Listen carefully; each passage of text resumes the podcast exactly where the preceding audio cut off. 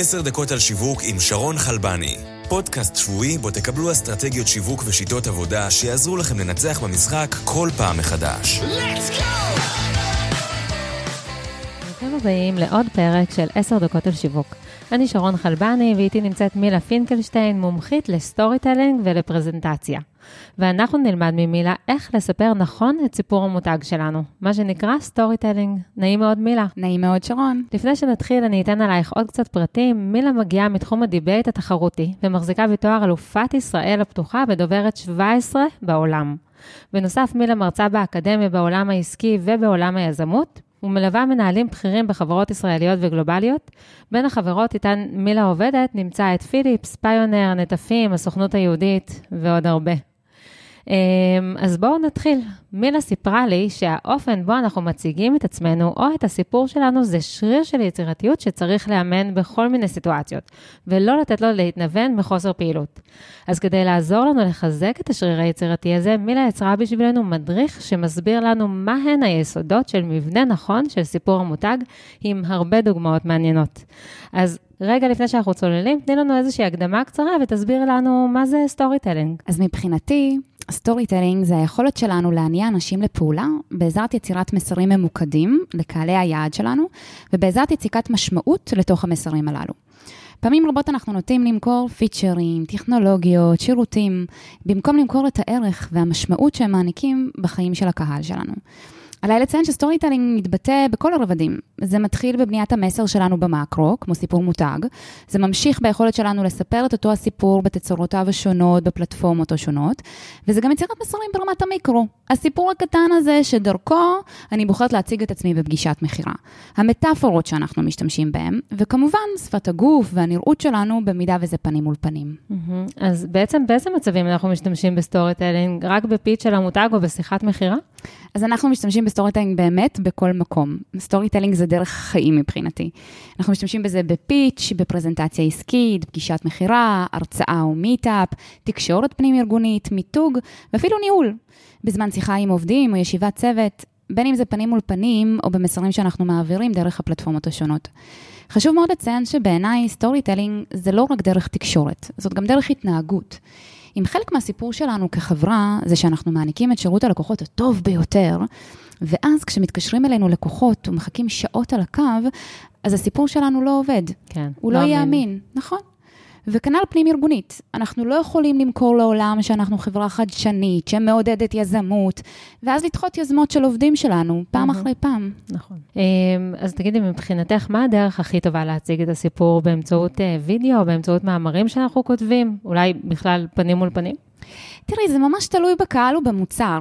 לרוב התשובה לא נמצאת רק בפלטפורמה אחת. כמובן שאנחנו חייבים לדעת לשלוט בסיפור גם פנים מול פנים, כי זה מתבטא לא רק בשיחות מכירה ופגישות עם משקיעים או שותפים, אלא גם, כמו שציינתי מקודם, שאנחנו, באופן שאנחנו מספרים את הסיפור פנים-ארגונית, שבימינו זה לא פחות חשוב. כן, אז אנחנו למדנו מתי אפשר להשתמש בטכניקה הזאת, אמ, אבל איך עושים את זה נכון? אז תראי. זה החלק שאני הכי אוהבת. אה, לסיפורים גדולים כמו הארי פוטר, מלחמת הכוכבים ואחרים, יש נוסחה, תבנית. ברמה הפשטנית ביותר יש לנו גיבור שמתחיל בנקודה א' ומסיים בנקודה ב'. מתחיל בעולם בו משהו לא טוב, משהו חסר, ומסיים בעולם חדש ונפלא בו הוא מגשים את עצמו. בדרך הוא צריך לעבור מסע, שינוי. הוא נתקל בקונפליקטים, והקונפליקטים האלה נורא חשובים, כי הם מה שהם מייצרים אצלנו עניין בסופו של דבר, הם מייצרים את הסיפור. והקונפליקטים האלה הם גם קונפליקטים חיצוניים, כמו וולדמורט, הרשע הזה בהארי פוטר, וגם פנימיים, שאלות של ביטחון עצמי, מסוגלות, זהות. וההתמודדות הזאת עם הקונפליקט היא נורא מפחידה. אה, אנחנו הרבה פעמים, אגב, אנחנו לא רק הארי פוטר, אנחנו הרבה פעמים מנסים לברוח מקונפליקטים כאלה, כי שינוי זה מרגיש לנו כמו דבר מסוכן, מפחיד. אז כדי לעזור לו להתמודד עם הקונפליקטים, הגיבור שלנו נפגש עם מנטורים, כמו יודה, כמו דמבלדור. אנשים שמאפשרים לו להתחבר לעצמו ולהבין שבעצם יש לו את המסוגלות הזאת לעשות את השינוי. עכשיו, השינוי הזה, יש לו משמעות עמוקה עבור עצמו. הוא מגשים את עצמו, הוא, הוא מציל את העולם, אין ספק, אבל הוא גם מגשים את עצמו. וברגע שיש לנו משמעות לשינוי שאנחנו עוברים, אנחנו מוכנים לעשות דברים מטורפים, mm-hmm. נכון? עבור משפחה, כן. אמת, חופש. אנחנו מוכנים להישכב על הגדרות. לגמרי. לצאת למלחמות. זאת סוג המשמעות שאנחנו רוצים לקשור עם המוצר שלנו. אז איך אנחנו לוקחים את התבנית הזאת אה, והופכים אותה לרלוונטית לעולם העסקי, ובכלל לחיים? אז ציירתי מודל, framework, שמותאם לעולם העסקי, והוא בעצם מודל של הנאה לפעולה. הוא מאפשר לנו ליצור את המסע של הגיבור שלנו. והוא מתבסס על כמה שאלות שאנחנו צריכים לשאול את עצמנו, ואני אשאל אה, אותך את הכמה שאלות האלה. יאללה, בואי ננסה, בואי נראה אם זה עובד. אז ראשית, אנחנו צריכים ללהק את התפקידים השונים בסיפור. אז השאלה הראשונה שנשאל זה מי הגיבור של הסיפור שלנו. שרון, מי הגיבור של הסיפור שלך? אה, אז אני מניחה שזה יהיה או היזם או המוצר עצמו, שהוא. פותר את הבעיה. אז הרבה פעמים, ואת לא טועה בכלל, הרבה פעמים אני מקבלת את, ה, את התשובה הזאת, אבל אני רוצה רגע לאתגר את החשיבה ולהגיד שזו תשובה נכונה, אבל היא מלוהקת לתפקיד אחר לחלוטין. מי שצריך לעבור את המסע של הגיבור שלנו, הוא מישהו שצריך לעבור שינוי, יתקל בקונפליקטים. אנחנו כבר מבינים שזה לא יכול להיות החברה. מי שצריך לעבור את מסע הגיבור הוא הלקוח שלנו. כן. מי שיושב okay. אוקיי. לפנינו. ולכן עלינו ללהק את הקהל היעד שלנו כגיבור. אז מה התפקיד שלנו, של המוצר או של החברה? התפקיד שלנו זה להיות המנטורים, המאפשרים, כמו דמבלדור או יודה. אלו שבעצם מאפשרים לקהל היעד שלנו להגיע מעולם לא טוב לעולם חדש נפלא, לעולם של הגשמה עצמית. אז אנחנו צריכים, אחרי שליהקנו את שני התפקידים האלה, ללהק את תפקיד הרשע, הקונפליקט או הקונפליקטים. Mm-hmm. לצורך זה, אנחנו צריכים לחזור חזרה לגיבור ולשאול את עצמנו כמה שאלות. זאת אומרת שאנחנו צריכים להציג מול הלקוח שלנו איזושהי בעיה. כמובן. איזשהו קושי, כן. כמובן, אבל אני חושבת שכל הסטארט-אפים אומרים את המילה הזאת היא בעיה, אבל יש צעד אחד לפני הבעיה. לפני שאנחנו מגיעים למה שאני קוראת לו הקונפליקט, או שהם קוראים לו הבעיה, זה, יש קודם כל צורך. Mm-hmm. מה הגיבור שלנו צריך? אם הוא צריך אהבה, או אם הוא צריך חופש, או אמת, או כל הדברים האלה שדיברנו עליהם, אז הבעיה זה רק הצד השני. כן. זה המכשול שלא מאפשר להם להשיג את מה שהוא צריך. והמעבר הזה בין הצורך למכשול הוא מאוד מאוד חשוב. וזה מעבר שאני מרגישה שהרבה מאוד פעמים סטארט-אפים, ובכלל חברות, לא יודעות לעשות אותה, כי הן רק מסתכלות על הקונפליקט. אז, אז אנחנו שואלים מה הצרכים, מה מפריע לו בדרך, ואיך נראית הגשמה בשבילו. איך נראה העולם החדש שאנחנו בורים עבורו. עכשיו, לאורך כל הדרך, אנחנו צריכים לענות על השאלות הללו משני רבדים, הרובד האמוציונלי והרובד הרציונלי. מה הוא רוצה, מה הוא מרגיש. מה מפריע לו ברמה הרציונלית ואיך זה גורם לו להרגיש. איך המוצר שלנו פותר לו את הקונפליקט, וכן הלאה וכן הלאה, כל הזמן רציונלי אל מול אמוציונלי. את יכולה לתת לי דוגמה? אמ, אוקיי, אז בשביל הדוגמה, בואי אני אכיר לך רגע את אבי. אבי הוא התמנון שלי, ויש לו שמונה רגליים, והוא חמוד אמיתי. אבי הוא החבר הכי טוב שלי, ותמיד היה שם בשבילי כשהייתי בודדה או לחוצה. אבל עכשיו עברתי לתל אביב, וכמו תל אביב כמובן, הבית שלי נראה, אם כבר מדברים על הארי פוטר, כמו החדר מתחת למדרגות. אין לי יותר מקום לאבי. ועכשיו אני מחפשת לו בית חם, ומוכרת אותו רק ב-150 שקלים. שרון, את רוצה לקנות את אבי? אמ, לא. ובצדק. מה ששמענו עכשיו היה תיאור של אבי, ואיזשהו סיפור שלא היה רלוונטי על זה שהוא החבר הכי טוב שלי. סיפור שלא היה רלוונטי לך בכלל, כי הוא לא נגע בחיים שלך. אז בואי רגע ננסה שוב. תכירי את אבי, יש לו שמונה רגליים, ברגל אחת הוא יעשה לך אימייל, בשנייה יענה לך לטלפונים, בשלישי יכין לך קפה, וברביעית, שרון, תקשיבי טוב, הוא אפילו ישטוף לך את הכלים. וואו. אבי עולה רק אלף שקל. נהיה כבר יותר מעניין? אני קונה שניים. מעולה. אז יפה, אז פה לא הסתפקתי בתיאור, אלא נתתי לך גם יתרונות, והיתרונות הללו כבר מתחילים לראות אותך כגיבורה של הסיפור שלנו, ושימי לב שהיתרונות האלה הם נורא רציונליים, אם כבר מדברים על שני הרבדים. Mm-hmm.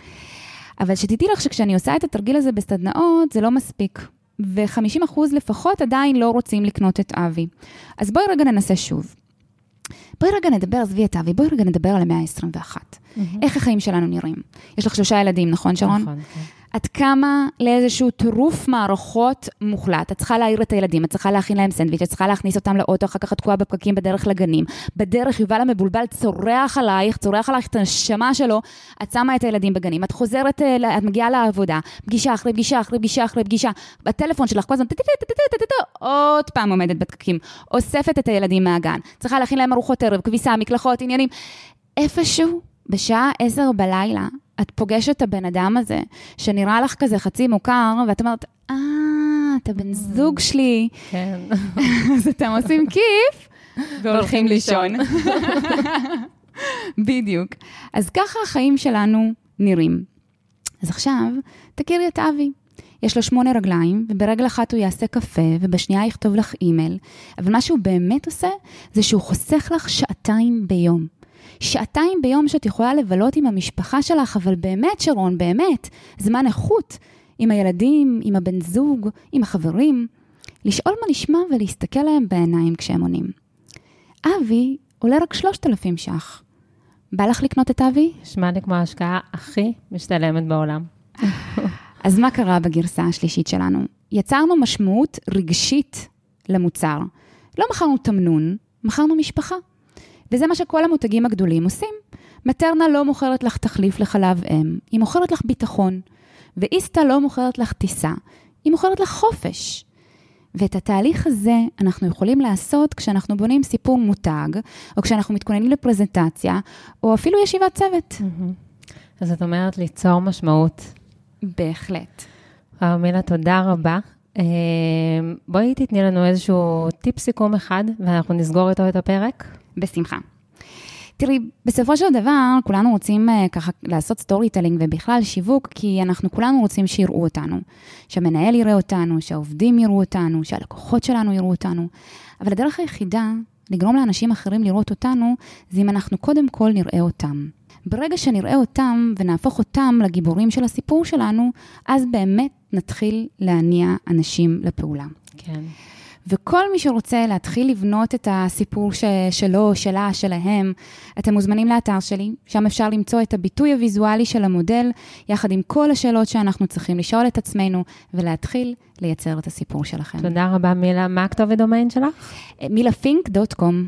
אה, מעולה, אנחנו גם נוסיף את זה לאתר שלנו, ועכשיו אני מזמינה את כל המאזינים שלנו להיכנס לאתר אינטרנט של הפודקאסט, ושם אתם תראו אקסטרה. סרטון קצר עם כמה שאלות אישיות, שאני, אה, כמה דברים אישיים שמצאתי על מילה ברחבי הרשת ואני, ואני הולכת לשאול אותה לגביהם. אה, אז תיכנסו לאתר ונמשיך משם. להתראות. תודה רבה.